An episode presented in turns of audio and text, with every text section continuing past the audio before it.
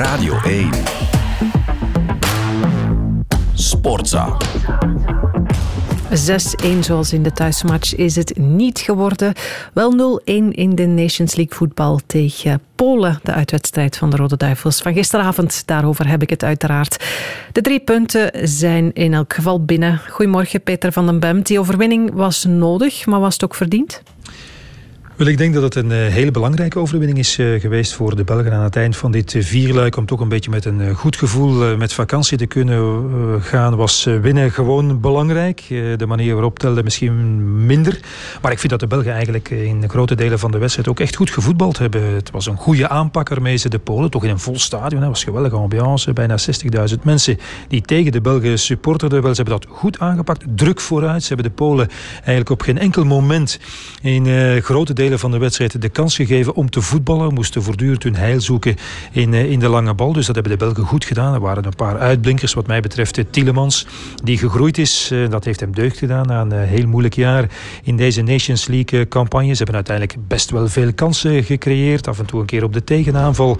Dus veel mogelijkheden gehad. Ze hadden meer doelpunten moeten maken natuurlijk. Dus alles bij elkaar is die overwinning heel erg verdiend te noemen. Met wat toch, laten we niet vergeten, niet de basisploeg is geweest van, van de Belgen. Zonder Courtois, oké. maar ook zonder Kevin De Bruyne, toch de onmisbare man op het middenveld.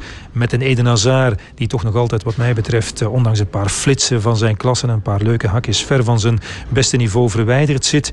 En, en uh, zonder Lukaku voorin. En Batshuayi, ja, dat blijft toch een twijfelgeval. Begon goed, was dreigend. Heeft gescoord natuurlijk, niet onbelangrijk. Doet hij altijd. Maar dan heeft hij zoveel momenten van onoplettendheid... van nonchalance, van uh, gebrek aan concentratie... dat dat toch een probleem blijft voorin. Dus laten we niet vergeten, zonder een paar sterkhouders heeft België toch in een, een moeilijke Europese eind, uh, uitwedstrijd een resultaat neergezet. En dat stuurt, en ik zeg het nog een keer, met een goed gevoel uh, de zomervakantie in. En het houdt hen toch min of meer nog in koers voor de Nations League Final Four. Want België wil die toch heel erg graag organiseren uh, volgend voorjaar. Maar goed, dan zal het toch moeten eind september gaan winnen in Nederland. En dat wordt niet vanzelfsprekend natuurlijk. Ja, dat is nog even afwachten. Maar even terug nog naar gisteravond. De nul is gehouden. Dat was het voorbije jaar ook niet evident. Dat is ook goed, denk ik. Wel, ook dat was belangrijk natuurlijk. Hè, want dat eh, kunnen de Belgen blijkbaar heel erg moeilijk. Het was maar drie keer in de voorbije dertien wedstrijden. Er is nu een vierde keer aan toegevoegd. Dus dat is ook belangrijk. De nul gehouden. Maar vijf centimeter kunnen natuurlijk niet verhullen dat uh, de defensieve problemen, en ik heb het niet over de defensie, maar het vasthouden van een voorsprong, het verdedigen van een voorsprong, het, uh, het uh, consolideren daarvan, het overwicht omzetten in een geruststellende voorsprong en dan als die dan toch niet op het bord staat, makkelijk stand houden. Wel, dat probleem is niet verholpen, omdat nu Swiderski vijf centimeter meer naar buiten heeft gekopt dan dat hij anders had gelijk gemaakt. Want met een paar centimeter verschil hadden we toch weer zo'n Wales-scenario waar je aan het eind van een wedstrijd die je altijd moet winnen, toch ineens weer een resultaat uit handen geeft. En dat dat nu opnieuw zomaar gekund. Kijk, als je ziet, de Belgen hebben 70% balbezit gehad, denk ik, over de hele wedstrijd. In de eerste helft kwamen de Polen er niet aan te pas. Toch twee grote mogelijkheden op het einde van die eerste helft in de tweede helft van hetzelfde scenario. De Belgen hadden kansen op Penda. Zeker moet beter doen met die twee mogelijkheden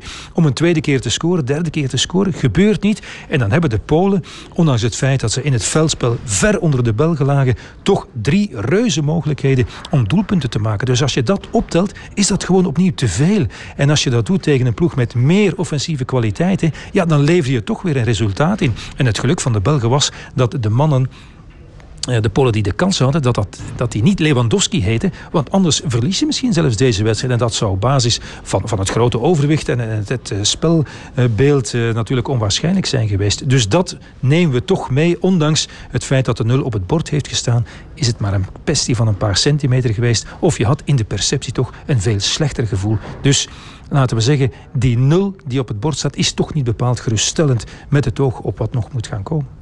Ja, Peter, wat moeten we nu onthouden van die Nations League-wedstrijden?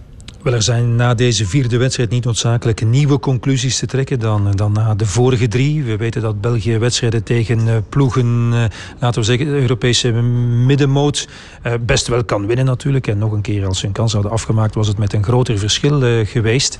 Ehm, de resultaten 7 op 12, dat is niet om over naar huis te schrijven, zullen we maar zeggen. Maar als je kijkt hoe andere grote voetballanden worstelen in deze periode van het jaar met vermoeide spelers, ja, dan doen de Belgen dat ook. Dat is zeker waar. Hè. Engeland doet dat, Frankrijk doet dat. Italië heeft een pandoering gekregen van, van Duitsland. Dus dat is voor de Belgen niet anders. Alleen, dat heb ik al een keer eerder gezegd, het is natuurlijk niet nieuw. Als het alleen maar in deze Nations League-campagne was en dat de Belgen voor de rest van het jaar hun overdonderende zelf waren geweest, dan waren deze conclusies eigenlijk naast de kwestie geweest. Maar goed, we zullen zien hoe het vanaf september gaat evolueren. En we weten dat de sleutelspelers met De Bruyne, met Hazard, met Lukaku, dat die in absolute topvorm moeten zijn. Dat Witsel een ploeg moet vinden waar hij weer zijn allerbeste niveau kan halen. Dus dat weten we zeer zeker wel. Maar wat misschien voor mij nog de, de belangrijkste vaststelling is, dat is dat Roberto Martinez nog een keer heeft aangetoond in deze campagne dat hij straks uh, het WK in, in Qatar toch weer gaat spelen met dezelfde oude garde die het de voorbije vier, vijf, zes jaar voor hem heeft gedaan. Als je kijkt naar de keuzes die hij heeft gemaakt nu in deze vierde wedstrijd van de Nations League, waarvoor hij besefte dat het resultaat belangrijk was, wel, dan was dat ook met de gevestigde waarde. Er was geen enkele jongere die van bij de aftrap zijn kans heeft gekregen. En de wissels zijn pas heel laat in de wedstrijd gekomen. Als je kijkt naar de vorige wedstrijden, zijn het ook vooral de anciens die speelgelegenheid hebben gekregen. En dus is mijn conclusie, ook met het oog op Qatar, en dat wisten we eigenlijk al, maar dat hebben we nu nog eens bevestigd gezien, gaat Roberto Martinez nog één keer vasthouden aan de jongens die het voor hem bijna hebben gedaan op het WK in Rusland. Eh, als ze tenminste in vorm zijn, als ze tenminste goed kunnen spelen. Want, en dat vind ik toch het manco van deze campagne de, de, de jonge spelers, het aanstormende talenten. Ik denk aan, ik denk aan de ketelaren bijvoorbeeld. Ik denk misschien aan salemakers. Ik noem maar een stuk of twee. Wel, die zijn veel en veel te weinig gebruikt natuurlijk. Als je dan toch deze uh, campagne ook ziet als een soort voorbereiding op het WK. Wel, dan hebben die dat in elk geval goed begrepen. En, en wat je zou kunnen zeggen, Trossard heeft zich met invalbeurten vooral, niet met een basisplaats in de gunst van de bondscoach gespeeld. Ik vind een donker een ontdekking achterin. Ik vraag mij af, moet je dat niet gewoon doen? De donker in de plaats van of de Nair of Boyata naast Allerwijld en, en Vertongen.